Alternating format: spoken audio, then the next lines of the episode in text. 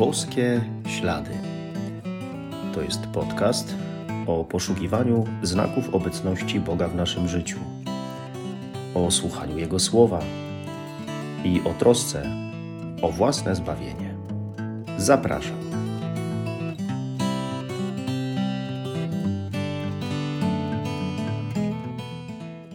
Witam serdecznie. Szczęść Boże. To już ostatni podcast przed wakacjami w tym drugim sezonie. Przed nami czas odpoczynku, ale jak to się często mówi, nie odpoczynku od Pana Boga. Z nim potrzebujemy przeżywać każde chwile naszego życia, czy to pracę, czy odpoczynek. Żeby tak było, to potrzeba na pewno z naszej strony mobilizacji, bo może się tak zdarzyć, że trochę zapomnę o Panu Bogu, że mniej będę dbał o kontakt z Nim.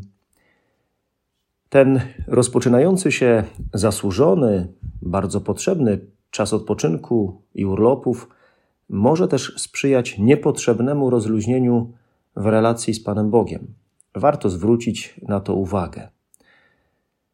Zapewne w tym wakacyjnym czasie nie braknie podróży. Jezus też jest w podróży, w podróży do Jerozolimy. Posłuchajmy słów Ewangelii według świętego Łukasza. Gdy dopełniały się dni wzięcia Jezusa z tego świata, postanowił udać się do Jeruzalem i wysłał przed sobą posłańców. Ci wybrali się w drogę i weszli do pewnego miasteczka samarytańskiego, by przygotować mu pobyt. Nie przyjęto go jednak, ponieważ zmierzał do Jeruzalem. Widząc to, uczniowie Jakub i Jan rzekli: Panie, czy chcesz, byśmy powiedzieli, niech ogień spadnie z nieba i pochłonie ich? Lecz on, odwróciwszy się, zgromił ich. I udali się do innego miasteczka. A gdy szli drogą, ktoś powiedział do niego: Pójdę za tobą, dokądkolwiek się udasz.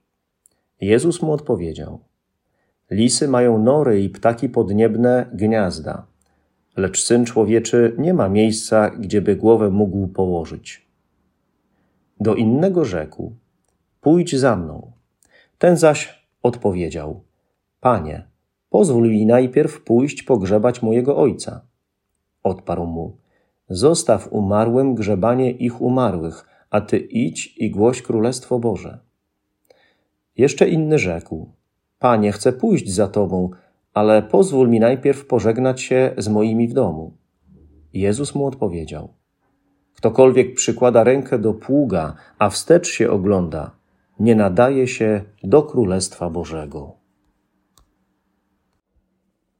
Kiedy widzę takie zachowanie Pana Jezusa, który zgromił uczniów, bo chcieli coś złego zrobić tym, którzy ich nie przyjęli, a Pan Jezus po prostu to zaakceptował, że tak jest, dając wolność człowiekowi, możliwość odrzucenia Boga.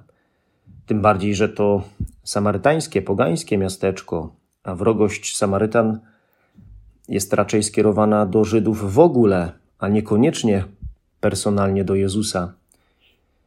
No to zaraz mi się przypomina inna sytuacja z Ewangelii, kiedy Mowa jest o tym, że wielu nie uwierzyło w Niego, w Pana Jezusa i odeszli. A Pan Jezus wtedy spytał uczniów, czy i wy chcecie odejść? Piotr powiedział, Panie, do kogo pójdziemy? Ty masz słowa życia wiecznego. Pan Jezus, jak w tamtej, tak i w tej sytuacji, no, nie panikował, że niektórzy odeszli, że nie uwierzyli w Niego. Spokojnie. Dał im czas, wolność. Może uwierzą później, wrócą do Niego. Ostatecznie przecież, jak czytamy w dziejach apostolskich, Samarytanie uwierzyli. Czytamy: Apostołowie w Jerozolimie dowiedzieli się o tym, że mieszkańcy Samarii przyjęli Słowo Boże. Dlatego w tym, co się dzieje w moim życiu, może Pan Bóg ma jakiś inny plan. Warto poszukać Jego woli, zgodzić się na coś, co po ludzku na pierwszy rzut oka wydaje się no nie takie, jak powinno być. Poza tym, Jezus uczy apostołów nie zemsty za nieprzyjęcie ich, ale pokonywania zła dobrem. To jest o wiele lepsze. Co jeszcze Pan Jezus chce nam powiedzieć? Pójście za Jezusem, podzielenie Jego losu, udział w Nim, bycie Jego uczniem nie będzie należało do łatwych i przyjemnych rzeczy. I na to się trzeba nastawić.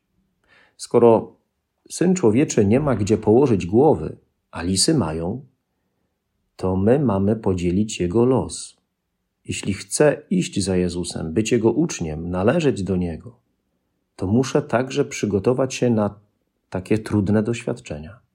Owszem, będzie wiele radości, sukcesów, ale będą też momenty bardzo trudne, przykre, niemiłe, mówiąc delikatnie.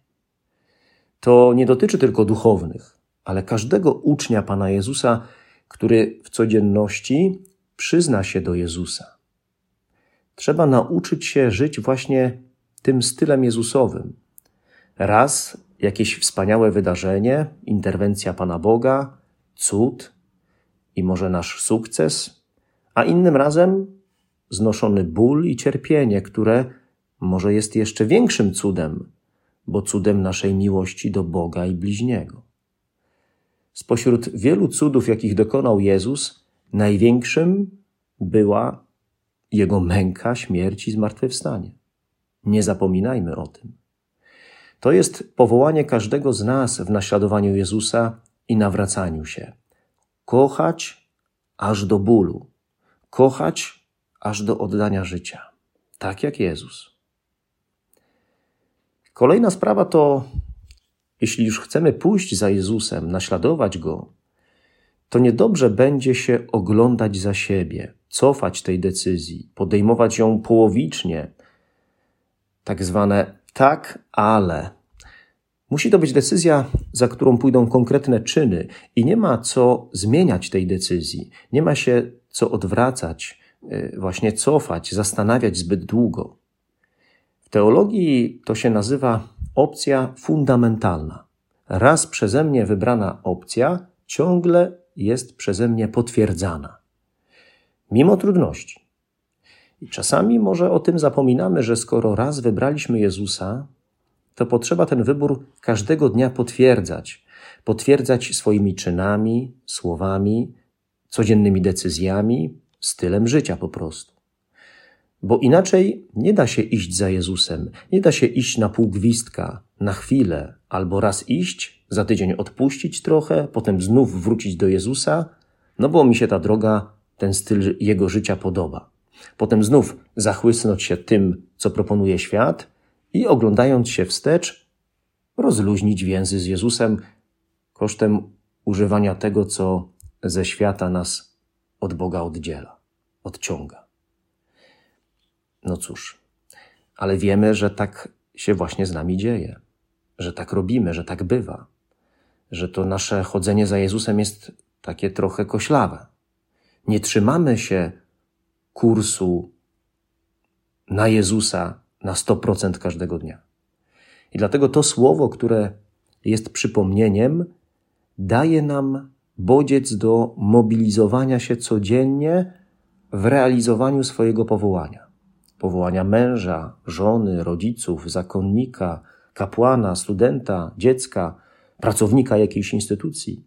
Wszędzie potrzebuje robić to, co tak świetnie robił ksiądz Bosko, a czego nauczył się od Maryi. Ona rozważała wszystko, co ją spotkało w swoim sercu, czyli odnosiła to do Boga. Wszystko, co ją spotkało. Ksiądz Bosko także. Wszystko w życiu, w cudzysłowie, czytał w kluczu Bożym. Odnosił do Boga. Szukał w tym, co go spotkało, Bożej woli.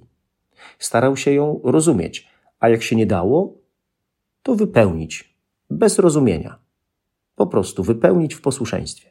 Tak było choćby wtedy, gdy miał od biskupa zakaz spowiadania chłopców młodych w oratorium.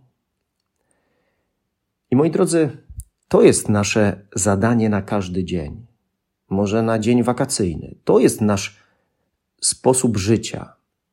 tak się mobilizować, aby wszystko odnosić do Boga, czytać w kluczu relacji z Nim, szukać w tym, co nas spotyka, Jego woli, Jego obecności, szukać, no właśnie, boskich śladów w codzienności.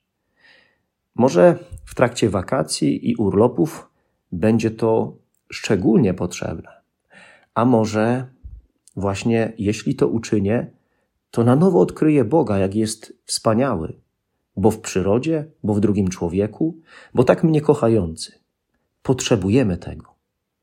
Dlatego mniej rozluźnienia, a więcej mobilizacji.